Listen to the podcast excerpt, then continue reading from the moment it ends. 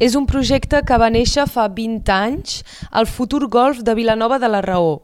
Aquest espai ocuparia unes 160 hectàrees i inclouria també un hotel i uns 600 allotjaments.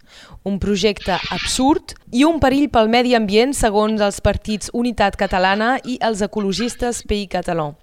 Nicola Berjoan, bon dia. Bon dia.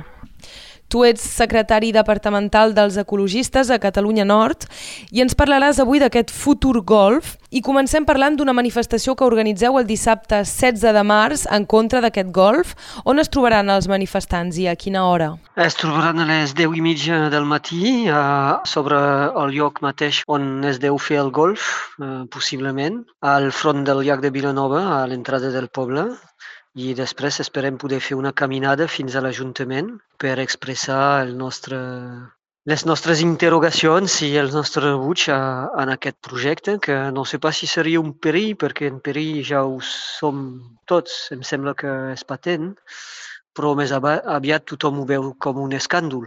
És a dir, que al moment en què estem en perill, continuem fent tonteries com un golf en un país que, que es va desertificant. I per què, doncs, segons tu, és molt problemàtic a nivell mediambiental de construir un golf? Encara una altra vegada, els nostres recursos en aigua estan minvant cada dia, no plou pas més en aquest territori. Ha plogut 300 mil·límetres l'any passat, cosa que és eh, l'equivalent d'un clima desèrtic. El mateix ministre de l'Agricultura ja ho constata i ho ha dit. Eh, per bé que no sigui de la nostra banda, i doncs en aquest context eh, construir allotjaments numerosos, eh, per 600 allotjaments. Això vol dir més de 1.000 persones més que consumiran aigua. I a més, una estructura d'oci per una gent mm, que no en necessiten més, com un golf que és molt consumidor d'aigua, eh, és, és encara una vegada, és un escàndol, encara més que un perill. S'ha sentit a dir aquests darrers dies que el golf es regarà amb l'aigua recuperada de la depuradora de Vilanova. És possible això? Primer s'ha de recordar que el projecte actual, tal com concretat i eh, acceptat per la prefectura, eh, no preveu només això. En el projecte actual també es preveu poder agafar aigua, agafar més aigua als canals i també al llac per regar el golf en el projecte acceptat tal com avui dia. Ara la senyora Vallesa de Vilanova, la Jacqueline Arlès, diu no, però només serà amb aigues reciclades de, de brutes.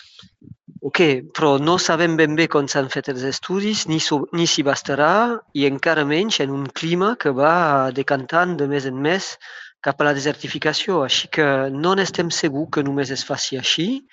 I d'altra banda, estem en una, en una situació tal que tanmateix si aquestes aigues dites grises, brutes, han de servir per alguna cosa en els anys que venen, ens sembla més adient que serveixin per l'agricultura o per regar algunes, alguns cultius que aprofitin tothom que no pas per la gespa d'un golf. Doncs l'argument no va. Per raons d'utilitat pública més aviat. Sí, primer perquè no sabem si bastaran aquestes aigues i segon perquè eh, tant mateix en aquest cas que utilitzem aquestes aigues valdria millor regar uns camps, regar uns cultius que no pas eh, regar un golf i una gespa que no serveix de res, excepte del passeig d'alguna de gent eh, que no tenen menester d'altra cosa. A banda d'aquest problema de l'aigua, també hi hauria un problema a nivell dels ecosistemes, possiblement, perquè s'ha de fer servir productes en un golf, com per exemple pesticides, potser, no? Això sí, sí, hi ha residus de productes químics en aquestes aigues brutes, eh, tanmateix que surten de les depuradores, i és una possibilitat, sí, de contaminació de, de la gespa i del lloc tanmateix, a prop de les habitacions noves que s'hi volen construir, que no és pas negligible, sí. Això és una veritat. A més, no sabem eh, quin és l'impacte a llarg termini de l'ús d'aquestes aigues brutes que per ser netejades per les depuradores, tanmateix eh, continuen tenint eh, un grau de productes químics tanmateix en, en seu. Sí, com per exemple residus de medicaments i, i altres contaminants. Sí, residus de medicaments, sí, sí, sí que ja tirem a les aigues i que produeixen, ja ho sabem, eh, uns impactes sobre la fauna i la flora dels rius i tanmateix sobre els nostres cossos. Eh? S'ha de dir que hi ha gent que ja es, es diuen que potser eh, l'infertilitat ara eh, produeix d'aquests residus que ingerem cada dia eh, en tots llocs i en l'aigua tanmateix. Jo crido i cridem tots nosaltres a, a que la manifestació sigui massiva. Jo crec que eh, de les xerrades que hem tingut amb la gent d'aquest país, i no només del, de Vilanova, eh, aquests últims mesos, aquestes últimes setmanes, tothom ha sentit que això s'agafava per la gent com un escàndol. És a dir, és un escàndol construir un golf i més pisos en un lloc on no hi ha pas aigua al davant d'un llac que s'està buidant per causa de la sequera. És un escàndol, és una tonteria que no té, que no té cap sentit.